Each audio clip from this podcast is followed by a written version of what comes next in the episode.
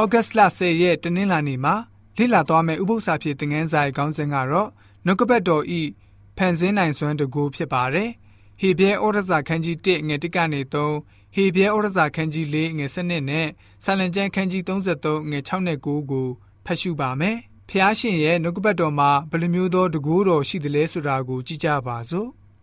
ရှေးလွန်လင်ပြီးသောအခါပျောဖက်များအားဖြင့်ဘိုးဘေးတို့အားအထက်ထက်အနီးနီးဗျာဒိတ်ပေးတော်မူသောဖျားသခင်သည်ဤနောက်ဆုံးကာလအခါမိမိသားတော်အားဖြင့်ငါတို့အားဗျာဒိတ်ပေးတော်မူပြီးထိုသားတော်ကိုအလုံးစုံတို့၏အမွေခံသခင်အရာ၌ခံထားတော်မူ၏သားတော်အားဖြင့်လည်းလောကဒတ်တို့ကိုတည်တော်မူ၏ထိုသားတော်သည်ဖျားသခင်၏ဘုံရောင်ကြီးနှင့်ဇာတိဖြစ်တော်ဤပုံသဏ္ဍာန်ဖြစ်၍တကိုးနှင့်ပြည့်စုံသောမိမိအမိန့်တော်အားဖြင့်ခတ်သိမ်းသောအရာတို့ကိုမဆတော်မူသောသူဖြစ်လျက် ငါတို့အပြစ်များကို ကိုတော်တိုင်အားဖြင့်တုတ်တင်ပယ်ရှင်းပြီးလင်မြင့်သောအရက်မှာတကူအာနုဘော်တော်ဤလက်ရဘက်၌ထိုင်တော်မူ၏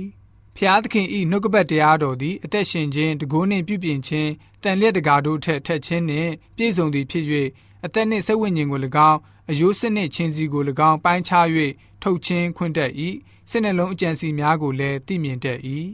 ထထဖျားဤနှုတ်ကပတ်တော်အားဖြင့်မူကောင်းငင်ကို၎င်းနှုတ်တော်အသက်အားဖြင့်မူကောင်းငင်တစားများကို၎င်းဖန်ဆင်းတော်မူ၏အကြောင်းမူကားထထဖျားမွဲ့ဆို၍မွဲ့ဆိုတော်မူသည့်အတိုင်းဖြစ်၏အမိန်တော်ရှိ၍မိန်တော်မူသည့်အတိုင်းတည်လျက်နေ၏ဆိုပြီးတော့ဖော်ပြထားပါတယ်ဖျားရှင်နှုတ်ကပတ်တော်ဟာအသက်ရှင်တဲ့နှုတ်ကပတ်တော်ဖြစ်ပါတယ်။ကြီးညာကြွေးကြော်တဲ့အတန်နဲ့ပြည့်ပြည့်စုံတဲ့တကူးကိုရရှိလာနိုင်ပါတယ်။လူသားတို့ရဲ့စကားလုံးတွေဟာ ဘယ်အရာဖြစ်တဲ့အကြောင်းကိုသာပြောဆိုနိုင်ပါတယ်။ဖျားရှင်ရဲ့စကားကြတော့မဖြစ်သေးတဲ့အရာကို ဖြစ်လာအောင် ပြောဆိုဖြစ်လာစေတဲ့တကူတော်ပါရှိပါတယ်။ဖျားရှင်ရဲ့စကားဟာဖန်ဆင်းနိုင်တဲ့တကူကိုပြုလုပ်နိုင်ပါတယ်။ဖျားရှင်နှုတ်တော်ကနေကြွေးကြော်မွဲ့ဆိုလာတဲ့စကားကိုကြားရတာနဲ့ခတ်သိမ်းသောအရာကိုဖန်ဆင်းနိုင်တဲ့တကူပါရှိပြီးသားဖြစ်ပါတယ်။ဖန်ဆင်းခြင်းရဲ့ရာဇဝင်အကြောင်းကိုကပောက်ကျန်ခန်းကြီး1မှာတွေ့ရှိနိုင်ပါတယ်။အဲ့ဒီမှာဆိုလို့ရှိရင် ဖြစ်စေဖြစ်စေဆိုပြီးတော့ထက်ခါထက်ခါမွဲဆိုတာကိုတွေ့ရမှာဖြစ်ပါတယ်။ဖျားရှင်ရဲ့ဖြစ်စေလို့တကူပါတဲ့စကားဟာ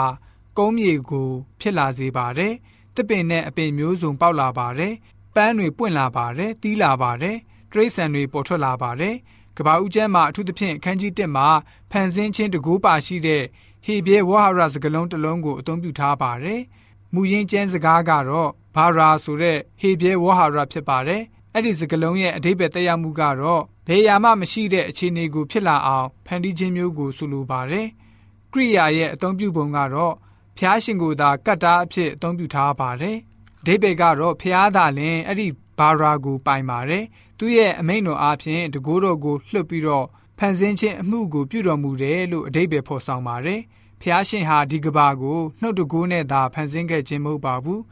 နှုတ်ထွက်စကားတော်အဖြစ်လဲဆက်လက်ထိမ့်သိမ်းဆောက်ရှောက်ထားပြန်ပါတယ်။နှုတ်တော်နဲ့မွတ်ဆိုခဲ့တဲ့နှုတ်တကူနဲ့ပဲတမန်ကျမ်းစာကိုရေးသားထားတော်မူပြန်ပါတယ်။ဖန်ဆင်းခြင်းအမှုမှာလှုပ်ဆောင်ပါဝင်ခဲ့တဲ့တန်ရှင်းသောဝိညာဉ်တော်ဟာလည်းပဲနှုတ်ကပတ်တော်ရေးသားတဲ့အခါမှာမှုတ်သွင်းပေးတော်မူပြန်ပါတယ်။အဲ့ဒီတမန်ကျမ်းစာကိုဖတ်တဲ့အခါမှာရောဝေငှဟောကြားတဲ့အခါမှာရောတန်ရှင်းသောဝိညာဉ်တော်ဟာပါရှိတော်မူပါတယ်။အသက်ကိုပေးတာအသက်ကိုပြောင်းလဲပေးတာ ဖန်ဆင်းခြင်းတကူတွေနှုတ်ကပတ်တော်ထဲမှာရှိပါတယ်။ဝိညာဉ်တော်စာပေဖြစ်တဲ့ Ejikwai Education စာမျက်နှာ126မှာဆိုရင်ကဘာမြေကြီးတည်ရှိလာဖို့ဖန်ဆင်းခြင်းတကူဟာနှုတ်ကပတ်တော်မှာရှိပါတယ်။အဲ့ဒီနှုတ်ကပတ်တော်မှာပဲတကူတော်ပါရှိပါတယ်။အသက်ကိုစတင်ပေးနိုင်ပါတယ်။နှုတ်ထွက်မိမ့်မွဲ့သမျှမှာဂရိတော်ပါရှိပါတယ်။အလိုတော်နဲ့လက်ခံပြီးတော့ဝိညာဉ်ကိုပေးတဲ့သူဟာမဟာကြီးမြတ်တော်မူသောသူဖြစ်တယ်။တဘာဝတကူကိုပြပြပြောင်းလဲပြီးတော့ ထာဝရဘုရားရှင်ရဲ့တံနဲ့အတူ